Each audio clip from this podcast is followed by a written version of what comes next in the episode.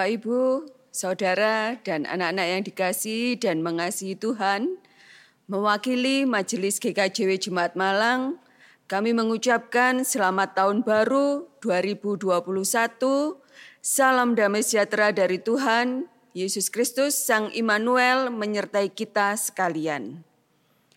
Minggu ini adalah minggu pertama di dalam kita membangun ibadah minggu di tahun baru 2021.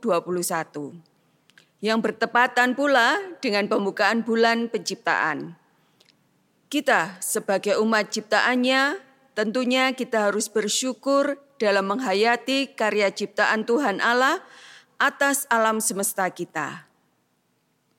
Jemaat yang dikasih Tuhan, Peribadatan kita saat ini menggunakan tata ibadah khusus yang sudah disiapkan oleh Majelis Agung GKJW dan akan dilayani oleh Bapak Pendeta Legal Hendriawan SAG. Mari kita datang menghadap Tuhan, kita puji namanya dengan menyanyikan kidung jemaat nomor 322, bait pertama dan yang kedua, Terang Matahari.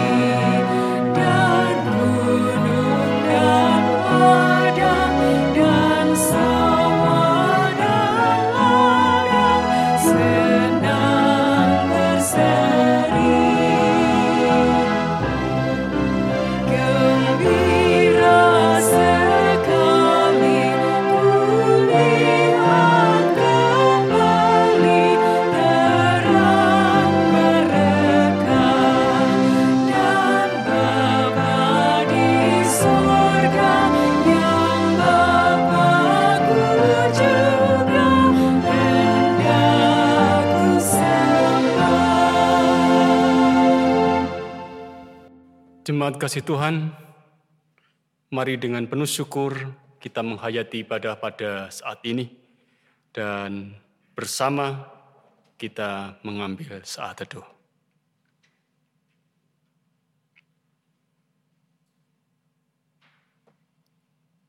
Biarlah kita, umat Tuhan yang membangun ibadah ini mengungkap yang demikian.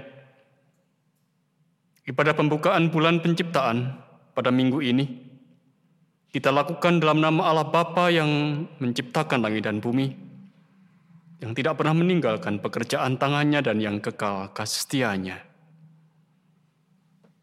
Anugerah dan damai sejahtera yang berasal dari Allah Bapa dan Tuhan Yesus Kristus senantiasa menyertai saudara-saudara. Amin. Jemaat yang dikasihi dan yang mengasihi Tuhan, Tema ibadah kita pada pembukaan bulan penciptaan saat ini adalah berkat terindah adalah kembali menjadi milik Allah. Sekali lagi tema ibadah kita pada pembukaan bulan penciptaan ini, berkat terindah adalah kembali menjadi milik Allah. Seiring dengan tema ibadah yang boleh kita dengar. Mari kita kembali ke satu pujian Tuhan, hitung jemaat nomor 289 bait 1 dan 2.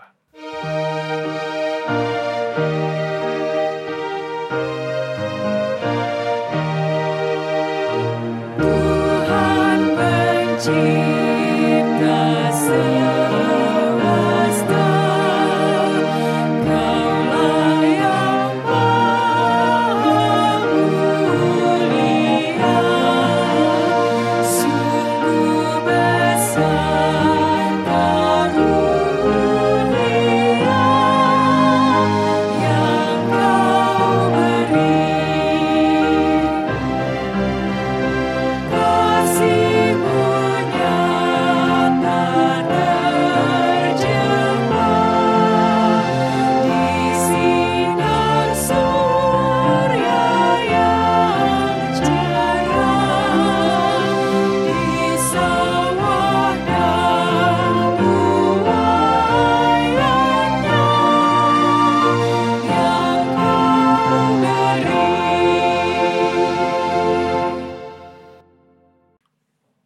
Jemaat kasih Tuhan, Tuhan Sang Pencipta dan Pemelihara alam semesta menghendaki kita semua umatnya untuk menghargai dan melestarikan ciptaannya. Tetapi yang sering kita lakukan adalah justru merusaknya. Karena itu, mari kita mengakui segala kesalahan kita dan mohon pengampunannya dalam doa. Mari kita berdoa. Bapa yang di sorga, kami percaya bahwa Engkau adalah Allah Sang Pencipta dan Pemelihara semesta. Dan kami percaya kepada Engkau sebagai Tuhan yang telah menciptakan dunia ini dengan segala keindahannya. Sebagaimana terungkap dalam peristiwa penciptaan, Engkau melihat setelah peristiwa penciptaan terjadi, semuanya baik dan indah dengan apa yang sudah engkau ciptakan itu. Engkau, ya Allah, mendorong kami anak-anakmu supaya senantiasa mensyukuri apa yang sudah engkau ciptakan. Menjaga dan melihara apa yang sudah engkau berikan bagi kami. Alam semesta yang begitu indah tetapi pada kenyataannya ya Tuhan engkau melihat. Kami sering tak mensyukuri alam ciptaanmu. Justru sebaliknya. Seolah-olah dunia ini adalah dunia kami.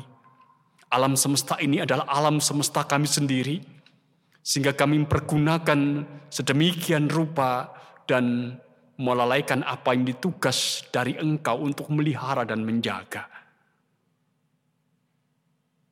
Kami sering merusaknya. Kami sering tidak bisa menjaganya seperti apa yang menjadi firman-Mu. Oleh karena itu perkenankan pada saat ini dalam kesadaran diri kami bahwa kami sering tidak peduli atas ciptaan Tuhan yang begitu indah. Kami memohon pengampunan atas dosa dan kesalahan dan pelanggaran sudah kami lakukan dalam hidup kami, di mana kami tidak memelihara ciptaanmu itu. Engkau mengampuni kami, ya Allah, supaya dengan pengampunanmu, kami layak untuk menghampiri tahtamu, dan dengan pengampunanmu pula, untuk selanjutnya kami anak-anakmu, akan belajar terus dan terus untuk menjaga dan memelihara dan terus mensyukuri apa yang menjadi ciptaanmu. Kami percaya akan kebaikanmu yang engkau nyatakan pada kami dan kami percaya akan pengampunanmu yang juga engkau sediakan bagi kami. Kami mengungkapkan doa kami dalam nama Tuhan Yesus. Amin. Saudara-saudara yang dikasihi dan yang mengasihi Tuhan, Siapa pun yang dengan jujur mengakui segala dosanya di hadapan Tuhan, Tuhan Sang Pengampun memberitakan kepada kita berita pengampunan menurut kisah para rasul pasal 13 ayat 38 dan 39. Jadi ketahuilah, hai saudara-saudara, oleh karena dialah maka diberitakan kepada kamu pengampunan dosa dan di dalam dialah setiap orang yang percaya memperoleh pembebasan dari segala dosa yang tidak dapat kamu peroleh dari hukum Musa. Amin. Demikian berita pengampunan untuk kita dan mari kita kembali menanggapi berita anugerah ini dengan mengangkat satu pujian dari Kitung Jemaat nomor 383 bait yang pertama. Música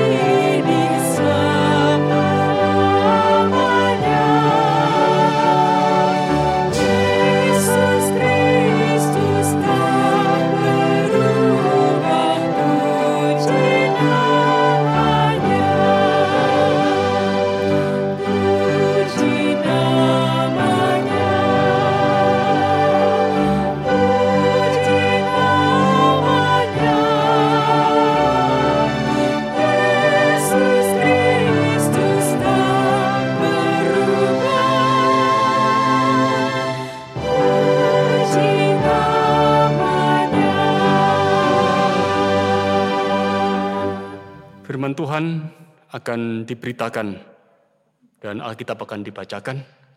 Mari kita mengawalinya di dalam doa mohon terang supaya Allah sendiri berkarya dalam karya Roh Kudus. Ya Allah Roh Kudus,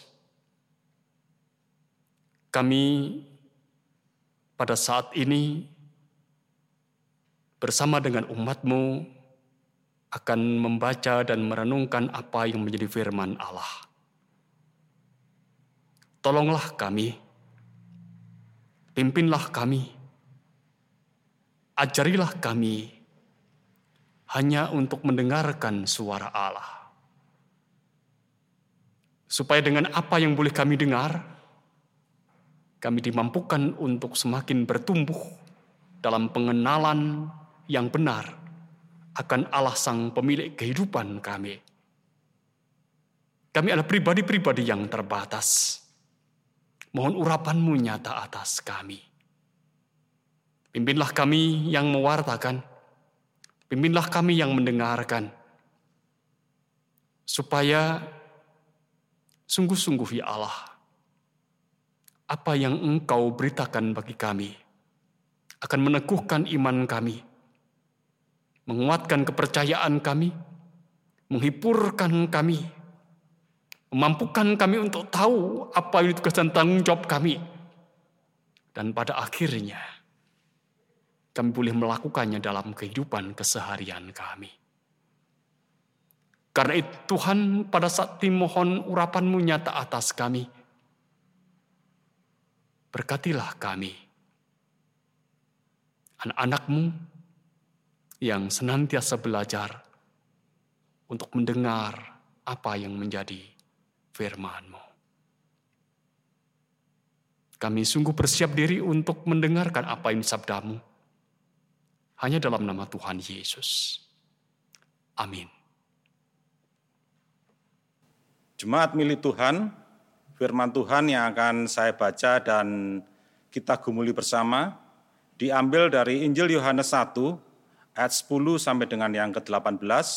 Demikian bunyi kesaksian firman Tuhan. Ia telah ada di dalam dunia dan dunia dijadikan olehnya, tetapi dunia tidak mengenalnya. Ia datang kepada milik kepunyaannya, tetapi orang-orang kepunyaannya itu tidak menerimanya. Tetapi semua orang yang menerimanya diberinya kuasa supaya menjadi anak-anak Allah, yaitu mereka yang percaya dalam namanya. Orang-orang yang diperanakkan bukan dari darah, atau dari daging, bukan pula secara jasmani oleh keinginan seorang laki-laki, melainkan dari Allah.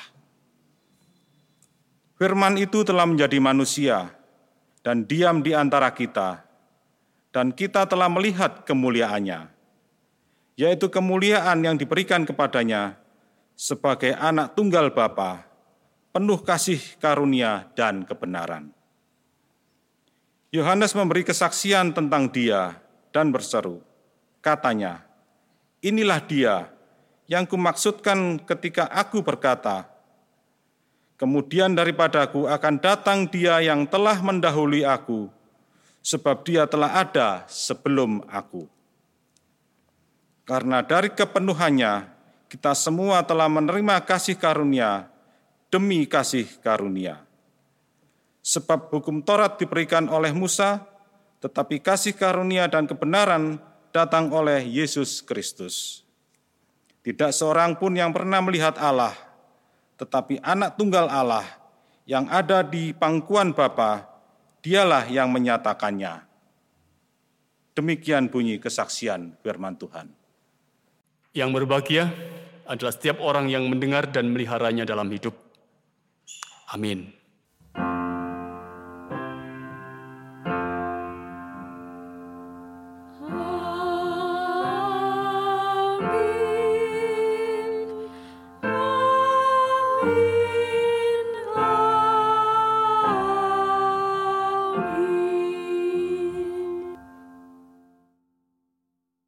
Jemaat kekasih Tuhan, mari kita perhatikan ayat yang ke-14 dari Injil Yohanes pasal 1 yang menjadi bacaan kita.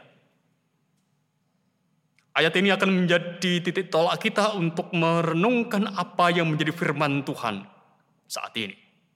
Dituliskan kepada kita, firman itu telah menjadi manusia dan diam di antara kita. Dan kita telah melihat kemuliaannya, yaitu kemuliaan yang diberikan kepadanya sebagai anak tunggal Bapa, penuh kasih karunia dan kebenaran.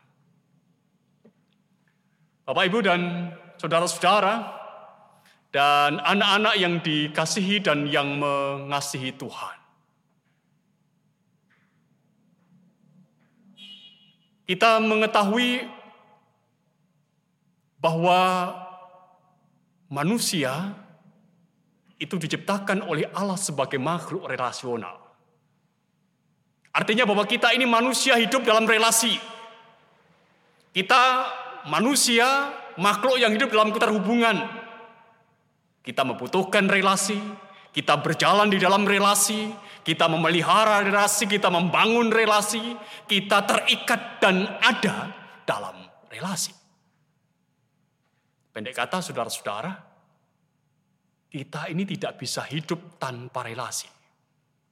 Oleh karena itulah, kemudian kita ini disebut sebagai makhluk relasional. Nah, sebagai makhluk relasional saudara-saudara, jika ada keterpisahan hubungan, ini akan menimbulkan penderitaan, ini akan menimbulkan sakan bahkan menimbulkan kematian. Contoh paling mudah saudara-saudara. Di masa pandemi COVID-19 ini, kita ini terus dan terus didorong untuk melakukan pembatasan-pembatasan dalam berrelasi. Kita menjaga jarak sosial kita. Kita menjaga kontak fisik kita dengan orang-orang lain di sekitar kita. Supaya kita tidak ada dalam kontak yang begitu intens. Kita menjaga untuk tidak berbicara dengan orang lain dekat-dekat. Dan itu yang kita lakukan. Bahkan mereka yang sudah terindikasi COVID-19, saudara-saudara, mereka dituntut untuk mengisolasi diri secara ekstrem, tanpa boleh melakukan kontak fisik dengan orang lain. Dan kita mengakui, pembatasan-pembatasan seperti ini saja, ini tentu sudah menyiksa kita. Mengapa menyiksa? Karena saudara-saudara, di sini ada masalah relasi yang terus dan terus dibatasi. Bapak Ibu perhatikan tiga tanaman yang ada di depan saya ini. Bapak Ibu perhatikan tiga tanaman yang ada di dalam pot dan planter bag ini. Semua tumbuh baik. Semua tumbuh subur. Tapi bayangkanlah begini saudara-saudara. Ketika tanaman ini kemudian kita cabut dari potnya atau dari planter bag, kemudian kita bersihkan tanaman ini dari media tanamnya, dan kemudian kita simpan tanaman ini dalam lemari. Apa yang akan terjadi saudara-saudara? Oh, pasti mati. Mengapa mati? Sebab tumbuhan itu saudara-saudara, tumbuhan yang kita cabut itu tidak akan terhubung dengan unsur-unsur alam yang lain. Ya tidak terhubung dengan tanah yang menyediakan unsur hara bagi pertumbuhan tanaman ini. Ia tidak terhubung dengan air yang menjadi mediator untuk unsur hara yang diserapnya. Ia tidak terhubung dengan sinar matahari yang dibutuhkan oleh daun untuk proses fotosintesis. Bisa dipastikan saudara-saudara, tumbuhan ini pasti akan mati jika kita taruh di dalam lemari. Sebab hubungan atau relasi dengan semua unsur di luar dirinya itu terputus. Tumbuhan yang terisolasi saudara-saudara pasti akan mati. Jika tumbuhan saja mati saudara-saudara. Bayangkanlah kehidupan manusia Bayangkanlah kehidupan saya, kehidupan saudara, atau kehidupan manusia yang lain. Jika ada dalam keterputusan hubungan, maka pastilah juga akan mati. Itu artinya saudara-saudara, bahwa relasi itu menjadi hal yang fundamental dalam hidup kita. Menjadi hal yang sangat penting. Bahkan kita bisa mengatakan relasilah yang membuat manusia itu hidup. Tanpa relasi, manusia tidak akan hidup. Mari sejenak kita mengingat saudara-saudara kehidupan manusia di dalam kitab kejadian. Di dalam narasi awal kejadian kita mendapatkan gambaran bahwa manusia itu hidup dalam kesukacitaan, kegembiraan, dan kebahagiaan di Taman Eden. Mengapa itu terjadi? Karena pada saat itu mereka semua manusia itu ada dalam keterhubungan yang baik, ada dalam relasi yang harmonis. Baik itu dengan Allah, dengan sesama manusia, ataupun juga dengan alam yang ada di sekitarnya. Tapi setelah manusia itu terjerembab ke dalam dosa, saudara-saudara. Manusia itu ada dalam keterputusan relasi.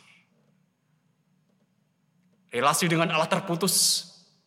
Saat Allah mengusir manusia itu keluar dari Taman Eden. Relasi dengan Orang lain juga tidak menjadi baik. Pada saat itu Adam menyalahkan Hawa. Selanjutnya saudara-saudara Kain membunuh Habil. Menjadi penanda bahwa hubungan mereka tidak baik. Bahkan hubungan dengan alam semesta pun juga tidak baik. Kitab kejadian pasal 3 ayat yang ke-19 mencatat kepada kita. Dengan berpeluh engkau akan mencari makananmu. Sampai engkau kembali lagi menjadi tanah. Karena dari situlah engkau diambil Sebab engkau debu dan engkau akan kembali menjadi debu. Itu yang diungkapkan. Artinya saudara-saudara, bahwa kematian itu menjadi bukti atas relasi yang terputus dalam hidup manusia. Dan mulai saat itu saudara-saudara, manusia menjadi milik dunia yang berdosa dan kemudian menghancurkan hidupnya. Saudara-saudara yang dikasihi dan yang mengasihi Tuhan. Peristiwa keterputusan relasi ini bukan menjadi kata akhir atas hidup manusia. Allah dalam karyanya menolong kembali manusia supaya ada dalam relasi dengan dirinya. Dan itu yang dikerjakan oleh Allah sendiri dalam diri Tuhan kita Yesus Kristus. Dialah yang menghubungkan kembali relasi yang terputus itu. Dialah yang menyambungkan kembali hubungan antara manusia dengan Allah. Sehingga pada akhirnya manusia itu kembali mendapatkan kehidupan manusia itu kembali mendapatkan kehidupan. Kalau kita perhatikan nats kita, Bapak Ibu dan saudara-saudara di sana tuliskan kepada kita demikian. Firman itu telah menjadi manusia dan diam di antara kita.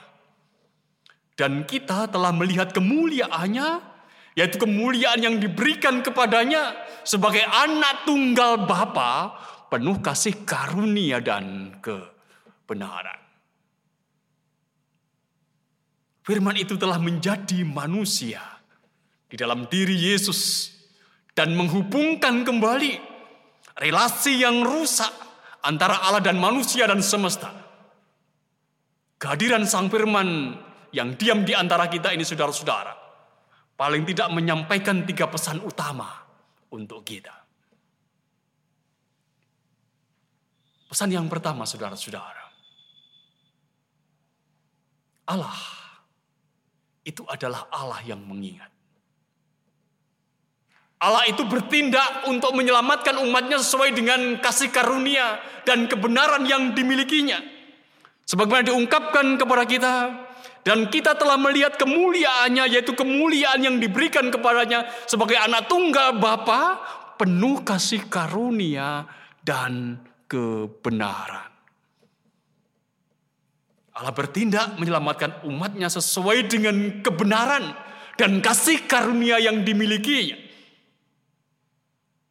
Allah, saudara-saudara, adalah pribadi yang selalu mengingat keberadaan umatnya Alkitab banyak memberi kesaksian tentang bagaimana Allah itu adalah Allah yang mengingat. Kejadian pasal 8 mencatat bahwa Allah itu mengingat Nuh lalu membuat angin berhembus dan air bah pun surut. Dalam keluaran pasal 2 diungkapkan bahwa Allah itu mengingat perjanjiannya dengan Abraham, Ishak dan Yakub. Alkitab juga memberikan kesaksian bagaimana Allah mengingat apa yang menjadi erangan bangsa Israel ketika mereka berada dalam penjajahan di Mesir. Itu yang terjadi. Allah adalah Allah yang mengingat. Dan Allah yang mengingati hadir di tengah-tengah kehidupan manusia.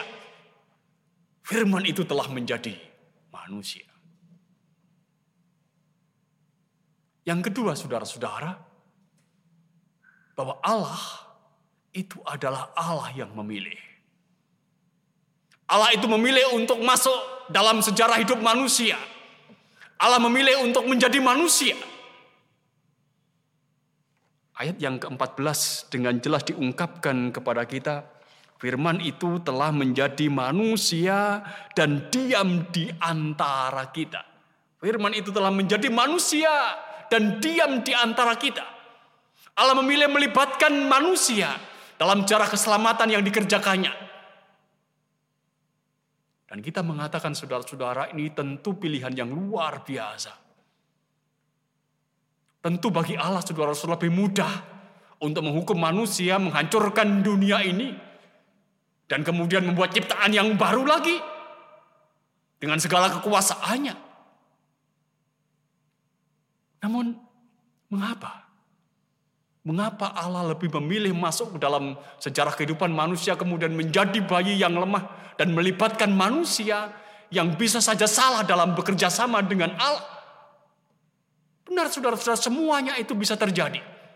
Tapi sesungguhnya Allah dengan pilihannya telah mengambil resiko dengan mempercayai kembali manusia. Ia mempercayakan kelahiran anaknya pada Yusuf dan Maria. Seperti yang pernah dilakukan Allah dalam peristiwa penciptaan. Mari kita mengingat kembali saudara-saudara, di dalam kitab kejadian pasal 1 ayat 26 tuliskan begini. Berfirmanlah Allah, baiklah kita menjadikan manusia menurut gambar dan rupa kita supaya mereka berkuasa atas ikan-ikan di laut dan burung-burung di udara dan atas ternak dan atas seluruh bumi dan atas segala binatang melata yang merayap di bumi. Pada peristiwa penciptaan ini saudara-saudara, Allah menciptakan manusia dan mempercayakan tugas hidup kepada manusia supaya manusia berkuasa atas seluruh bumi ini, atas seluruh ciptaan Tuhan. Artinya bahwa pada saat itu manusia dipercaya.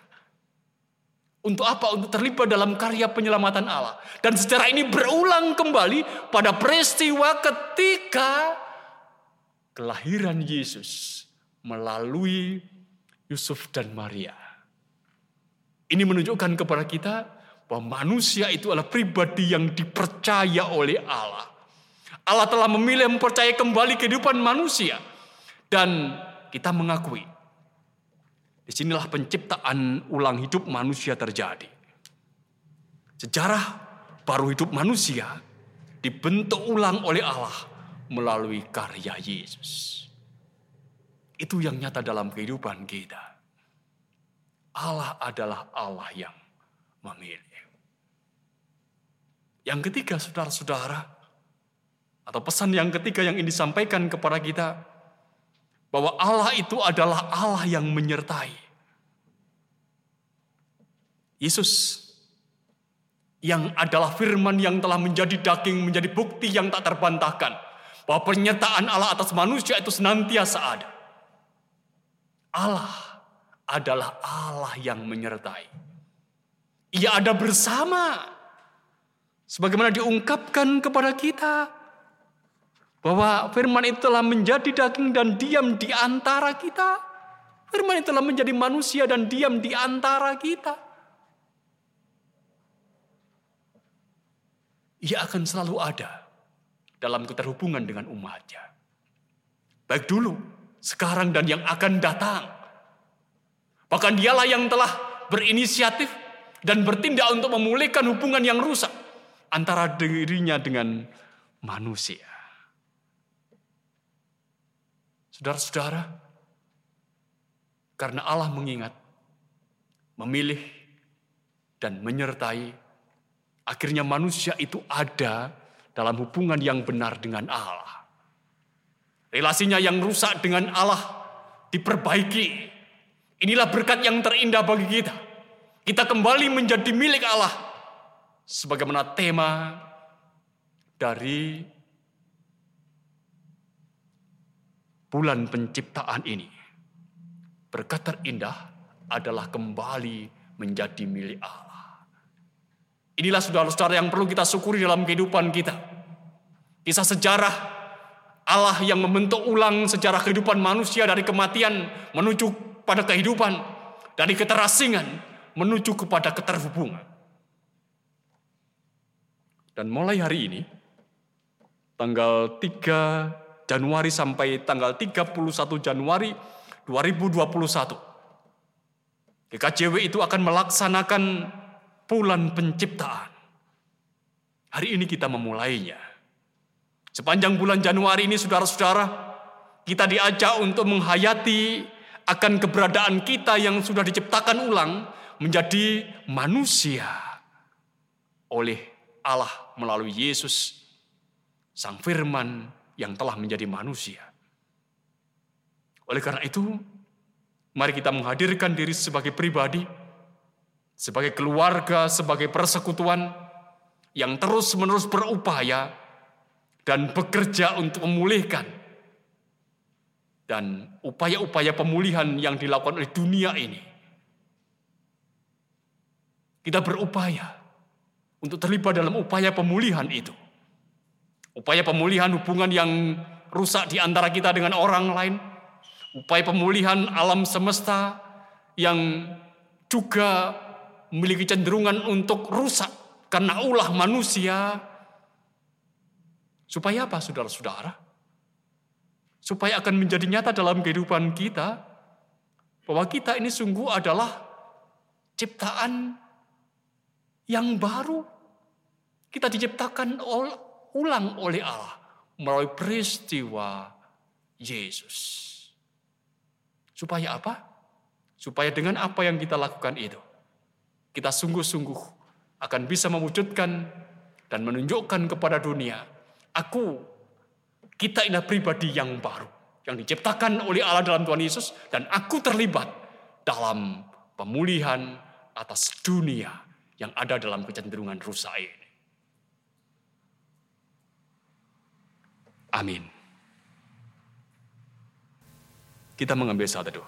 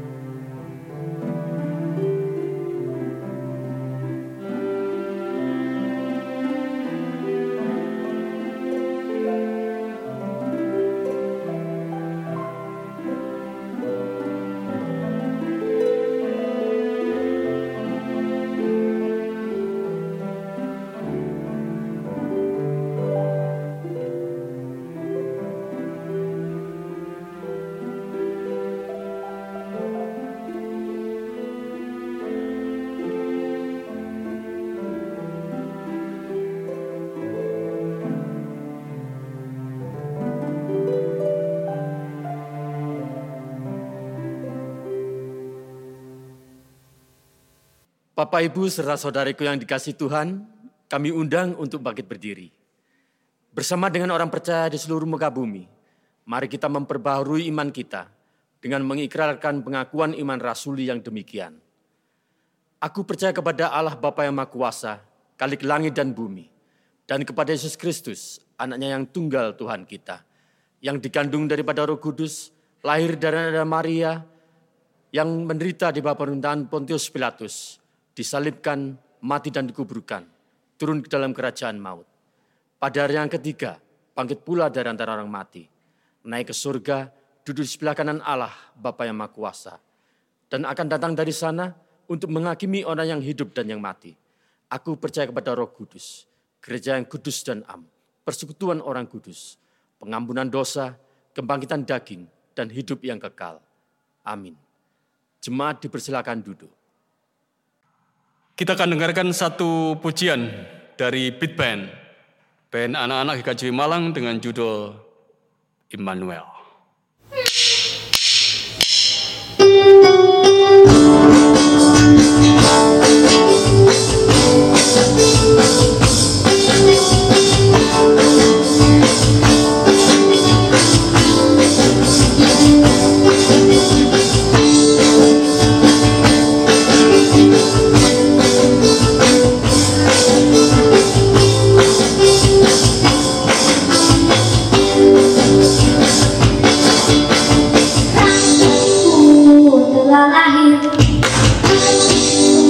over Gambira.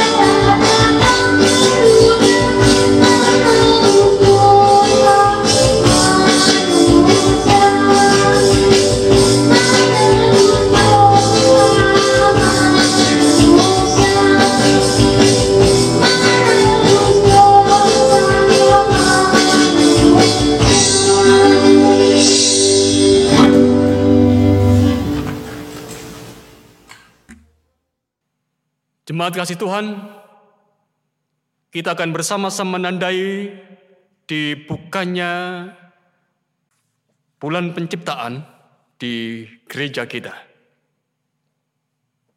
Bersama-sama kita akan memulainya.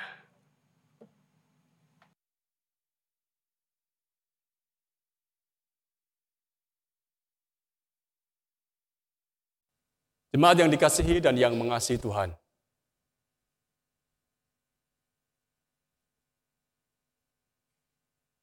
Saat ini kita akan memulai untuk pembukaan bulan penciptaan Gereja Kristen Jawetan. Jadi sejak tanggal 3 hari ini, sampai tanggal 31 Januari 2021, kita akan bersama-sama menghayati akan bulan penciptaan. Seluruh warga jemaat Gereja Kristen Jawetan menghayati bulan penciptaan ini. Sebagaimana kita ketahui bersama bahwa Tuhanlah yang menciptakan dunia ini dengan segala keindahannya. Tuhan menciptakan semesta ini sebagai daya dukung kehidupan. Tanpa alam semesta ini, saudara-saudara, kita tak mungkin hidup. Oleh karena itu, Gereja Kristen Jawetan mencanangkan bulan penciptaan sebagai penghayatan iman atas peristiwa penciptaan yang sudah Allah lakukan. Supaya setiap orang yang percaya itu sungguh-sungguh belajar untuk menjaga dan melihara alam ciptaan Tuhan yang diciptakan oleh Tuhan dengan begitu indahnya. Kita sebagai pribadi keluarga dan persekutuan. Terpanggil untuk menghayati bulan penciptaan itu dengan belajar dan terus belajar mengupayakan, menjaga dan melihara alam ciptaan Tuhan. Biarkanlah alam ciptaan Tuhan yang merupakan daya dukung utama atas kehidupan kita itu tetap pulih, terpelihara dengan baik. Karena di sinilah juga akan menunjukkan kepada kita. Inilah bukti iman kita. Sebagai pribadi, sebagai persekutuan yang sudah diciptakan ulang oleh Allah melalui karya Tuhan Yesus. Hari ini kita akan memulai bulan penciptaan itu. Sebagai penanda bahwa bulan penciptaan dimulai untuk kita semua di Gereja Kristen Jawetan Jemaat Malang. Saya akan menyiramkan air ke dalam bag yang merupakan tempat tanaman ini tumbuh.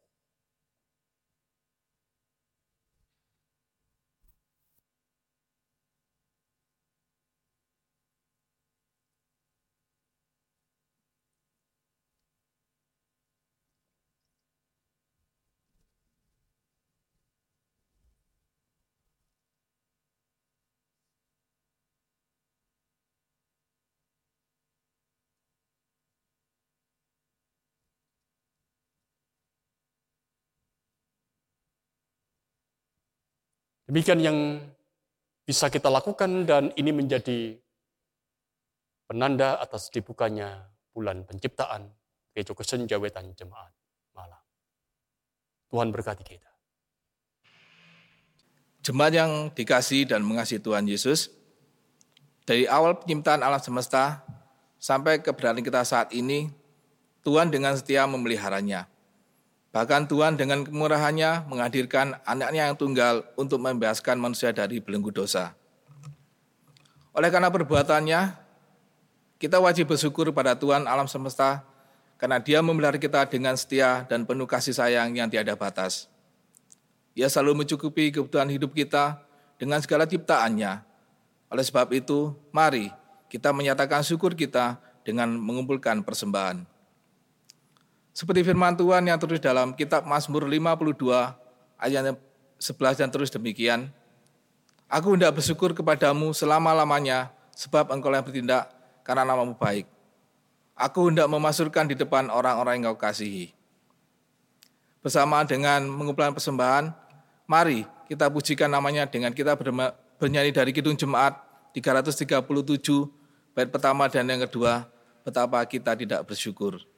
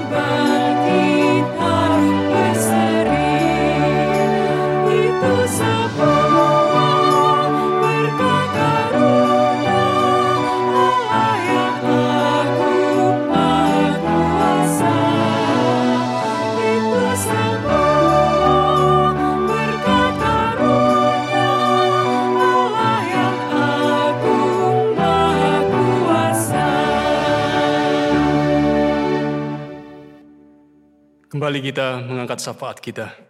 Kita berdoa.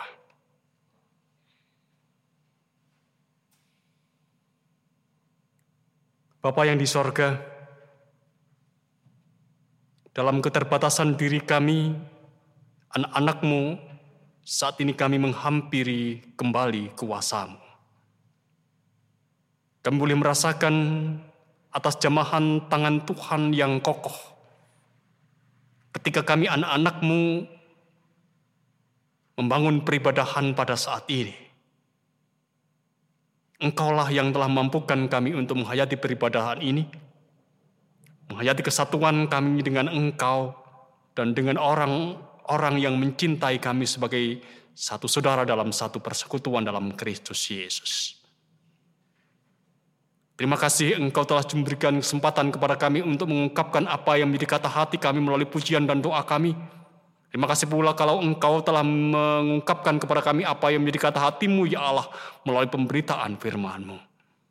Jangan biarkan kami anak-anakmu hanya menjadi pendengar. Jangan hanya biarkan menjadi pewarta, tapi biarkanlah kami menjadi pelaku atas firmanmu itu supaya firmanmu tak kembali kepada engkau dengan sia-sia tapi kembali kepada Engkau dengan buah kehidupan yang ada dalam hidup kami. Oleh pemberitaan firman-Mu, Engkau mengingatkan kepada kami, Engkau adalah firman yang telah menjadi manusia dalam Yesus, yang membangun kembali kehidupan manusia menjadi manusia yang baru. Karena sungguhnya manusia lama adalah manusia yang terbelenggu oleh dosa dan tidak ada dalam hubungan yang baik dengan Allah. Tapi karena karena Tuhan kami Kristus, kami kembali beroleh pemulihan. Hubungan yang baik dengan Allah boleh kami terima. Terima kasih Tuhan untuk pemberitaan firman-Mu. Dan dalam bentuk tanggung jawab, Engkau juga telah memberitakan kepada kami supaya kami ikut terlibat dalam mengupayakan pemeliharaan atas semesta ini. Karena kami percaya, jika engkau adalah Allah yang telah memelihara dunia ini dengan segala keindahannya, engkau juga akan melibatkan kami karena engkau adalah Allah yang percaya kami manusia, supaya kami boleh terlibat dalam proses pemulihan atas dunia yang sudah engkau ciptakan ini. Sebagaimana engkau sendiri sebagai Allah kami, yang telah memberikan kuasa kepada manusia pada saat proses penciptaan supaya manusia berkuasa atas alam semesta ini. Demikian pula pada saat ini engkau juga telah memberikan kuasa itu kepada kami supaya kami terus dan terus belajar membuktikan dalam diri kami bahwa kami adalah pribadi-pribadi yang sudah engkau tebus dari dosa dan kematian untuk menciptakan kehidupan yang baru bersama dengan engkau. Bapak, Terima kasih untuk firman-Mu.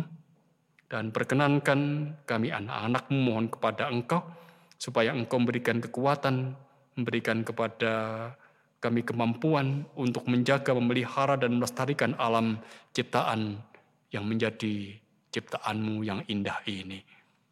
Supaya daya dukung kehidupan itu akan menjadi semakin nyata dalam kehidupan kami.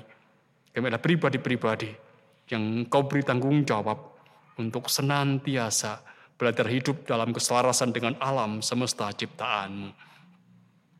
Kami juga boleh memulai bulan penciptaan untuk Gereja Kristen Jawetan. Ajari kami semua secara keseluruhan Gereja Kristen Jawetan untuk terus dan terus belajar memelihara, melestarikan alam ciptaan Tuhan. Supaya di dalam bulan penciptaan ini kami sungguh-sungguh boleh mengerti dan memahami apa yang menjadi kehendakmu. Bahwa kami adalah pribadi-pribadi, kami adalah manusia yang seharusnya turut terlibat dalam proses penciptaan ulang yang engkau nyatakan bagi dunia ini. Berdoa pula pada saat ini untuk pandemi COVID-19 yang melanda dunia ini. Engkau, ya Allah yang akan turut terlibat meredakannya. Kami berdoa untuk pemerintah kami, Berikan kekuatan kepada setiap pribadi yang menjadi bagian dari pemerintah di negeri ini untuk boleh mengambil setiap kebijakan yang sesuai dengan apa yang menjadi kehendak Tuhan dan berikan kekuatan kepada mereka untuk terus dan terus dalam upayanya untuk terlibat mencegah penyebaran virus corona di negeri ini. Demikian pula untuk para tenaga medis, mereka yang berada di garda paling depan untuk mengupayakan pemulihan terjadi atas setiap orang atau pemulihan terjadi atas negeri yang dilanda pandemi COVID ini, Tuhan sendiri juga yang akan berikan kekuatan dan kemampuan. Supaya mereka hanya di dalam kehendak Tuhan yang kuat, mereka dimampukan untuk melakukan yang terbaik bagi kemuliaan nama Tuhan. Berdoa pula untuk persembahan yang sudah kami kumpulkan, Tuhan yang akan pakai untuk kemuliaan nama Tuhan melalui kehidupan pelayanan yang ada di GKJW Jemaat Malang ini. Secara khusus kami berdoa untuk kegiatan pelayanan di tingkat majelis jemaat atau di lingkup majelis daerah atau di lingkup majelis agung. Tuhan yang memimpin dan menyertai supaya kegiatan pelayanan sekalipun di era pandemi ini semuanya boleh berjalan baik menjadi sarana bagi kami untuk tetap boleh mengenalkan akan kasih karunia Tuhan yang Tuhan nyatakan melalui gereja Tuhan. Berdoa pula untuk setiap keluarga yang menjadi umatmu di gereja kesenjawitan ini. Tuhan juga yang akan senantiasa memimpin dan berkatinya. Berkati setiap pekerjaan yang dilakukan oleh setiap umatmu. Supaya melalui setiap pekerjaan, setiap orang akan boleh merasakan dan menghayati akan berkat Tuhan yang cukup. Anak Tuhan yang berada di bangku pendidikan, Tuhan juga yang akan senantiasa memimpin dan menyertai.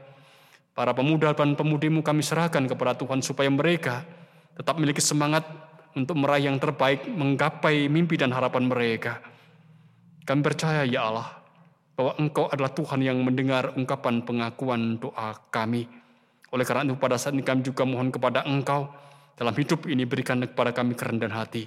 Berikan kemampuan untuk peduli, berikan kepada kami kemampuan untuk senantiasa sadar bahwa Engkau telah memilih kami untuk mewartakan kabar kesukacitaan bagi dunia. Dan untuk saudara kami yang ada dalam pergumulan karena sakit, karena pergumulan keluarga, karena pekerjaan atau pergumulan-pergumulan yang lain kami menyerahkan kepada Tuhan supaya mereka tetap ada dalam penyertaan dan pendampingan Tuhan dan hanya karena kuasa Tuhan mereka tidak kehilangan harap atas hidupnya. Bapak, kami percaya akan kebaikanmu. Kebaikan yang akan terus engkau nyatakan bagi kami dari saat ini dan selanjutnya. Kami mengungkapkan doa ini, doa yang ada dalam keterbatasan ini. Hanya dalam nama Tuhan kami Kristus yang telah mengajarkan kepada kami berdoa. Apa kami yang di sorga, dikuduskanlah namamu, datanglah kerajaan, jadilah kendakmu di bumi seperti di sorga. Berikanlah kami pada hari ini makanan kami yang secukupnya, dan ampunilah kami akan kesalahan kami, seperti kami juga telah mengampuni orang yang bersalah kepada kami dan janganlah membawa kami ke dalam pencobaan, tapi lepaskanlah kami daripada yang jahat, karena engkaulah yang punya kerajaan dan kuasa dan kemuliaan sampai selama-lamanya. Amin. Jemaat yang dikasihi dan yang mengasihi Tuhan, kita akan bersama-sama undur dari pertemuan ibadah kita saat ini. Kita akan kembali dalam kehidupan keseharian kita. Mari kita mengisi kehidupan kita di bulan ini terutama dengan belajar untuk menjaga dan melihara alam ciptaan Tuhan sebagai bukti bahwa kita ini sungguh-sungguh terlibat dalam bulan penciptaan dan sebagai bukti yang nyata bahwa kita ini sudah diciptakan Allah kembali melalui karya Yesus. Hitung jemaat nomor 341 bait yang pertama.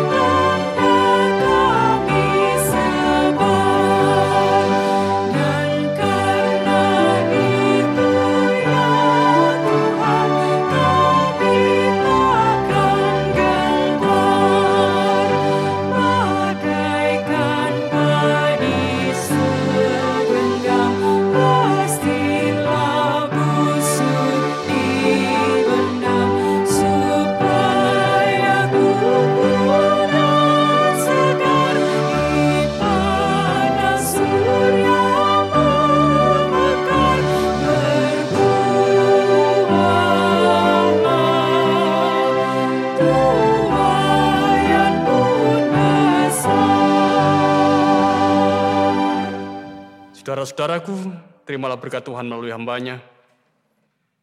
Allah Bapa Sang Pencipta memberkati engkau.